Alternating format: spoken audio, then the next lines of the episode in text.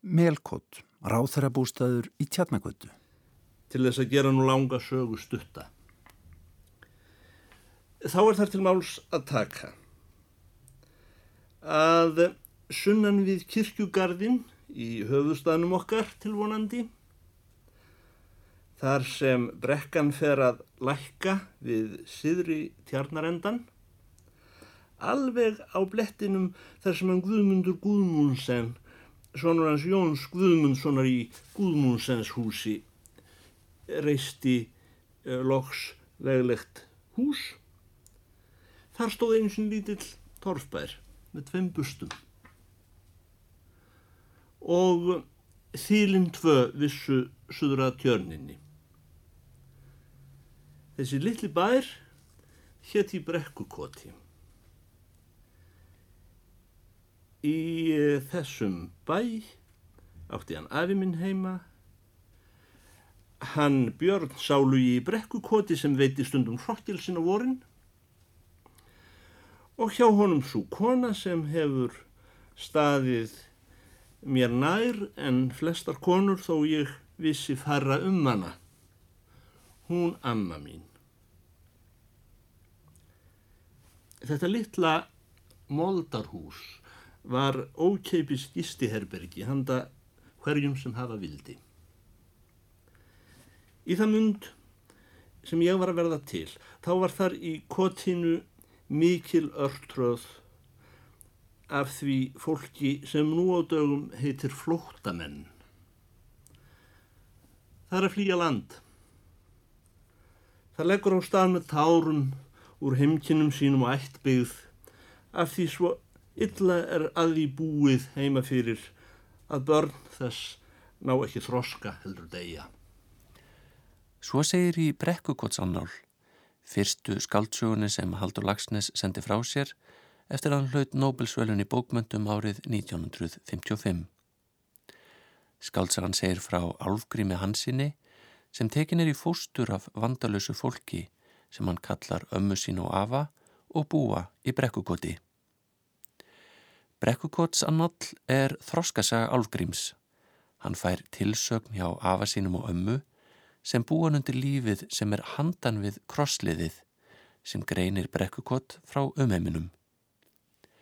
Úr kirkjugarðinum best ómur af tónlist og dag eitt þegar Álgrímur er þar að leik er hann fenginn til að syngja allt eins og blómstrið eina yfir sjóreknu líki sem enginn þekkir frekari deili á.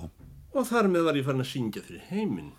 Þróskasaga Álgríms er spekluð í örlugum annars manns, Garðars Holm, sem er gerður út af kaupmannum í bænum til að læra söng. Garðar verður frægur í kaupstanum, en söngurinn sjálfur er blekking.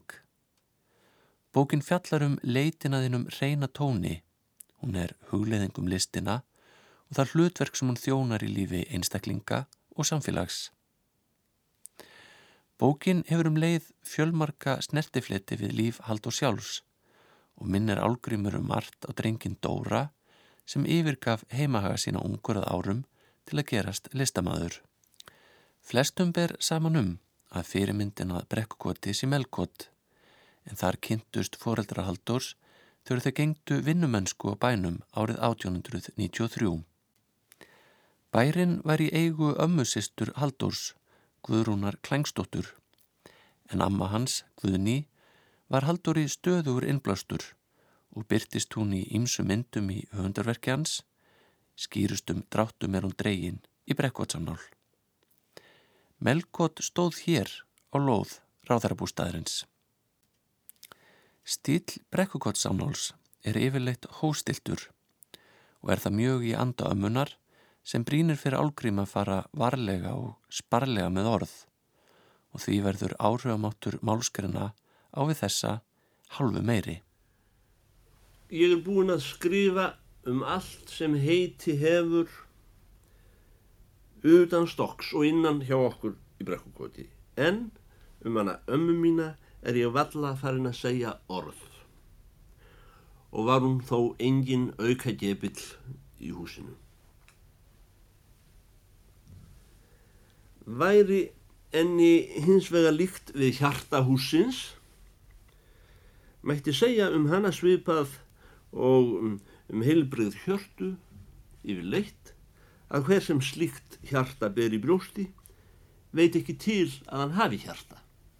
Einn fegusti kapli bókarinnar hefur að geima lýsingar á því þegar álgrimur rær til fiskjar með byrni afa sínum. Á sjónum færir afi hans honum fregnir sem reynast honum þungbærar. Drengurinn á að ganga mentavegin. Af hverju, spurði ég. Hennar fólk hér áður voru lærðir menn, saði hann. Og hvað þá að láta mig gera, saði ég. Fæ ég ekki að vitja um með þér aftur. Við vorum að hugsa um að setja þig til skóladengur minn og láta þig læra það sem þeir kalla latínu. Meiningin var að þú byrjaður í höst ef þú verður tekin inn. Ég fór að hitta hann sér að Jóhann. Það er búið að fá hafnarstúdent til að undirbúa þig. Það er verið talað um að þú byrjaðir á morgun. Ég spurði. Ætlar þú þá ekki að vekja mig fyrramáli til að vitjum? Hann svaraði. Hún ammaðinn villir vel, dengur minn. Og ég líka þó ég sé heimskur. Í þeim töluðum orðum lagði hann út ári og við íttum frá hleininni og rerum í land. Þetta kom sem sé eins og þruma úr heiðskilu lofti. Allar ráðagerðir mínar um eilíft líf í brekkukoti voru að öngu gerðar. Gleði mín af tilverunni var rofin. Kínamúrin þar sem ég sjálfur var sonur hímins, var brotinn og ekki fyrir lúðurhljómi heldur orði. Sárastaðan afi minn skildi verða til þess að segja orðið sem tilþurfti að ónýta fyrir mér krosslíðið okkar. Ég begði af. Ég hef ekki gólað síðan ég var lítill, því við góluðum ekki í brekkukoti. Mér fannst ekkert geti framar huggað mig. Ég reri og reri, allt hvað aft tók á mótonum afa mínum. Gólaði og gólaði. Við hveðjum þá Álgrím og Björn í brekkukoti og höldum nú í Bárubúð.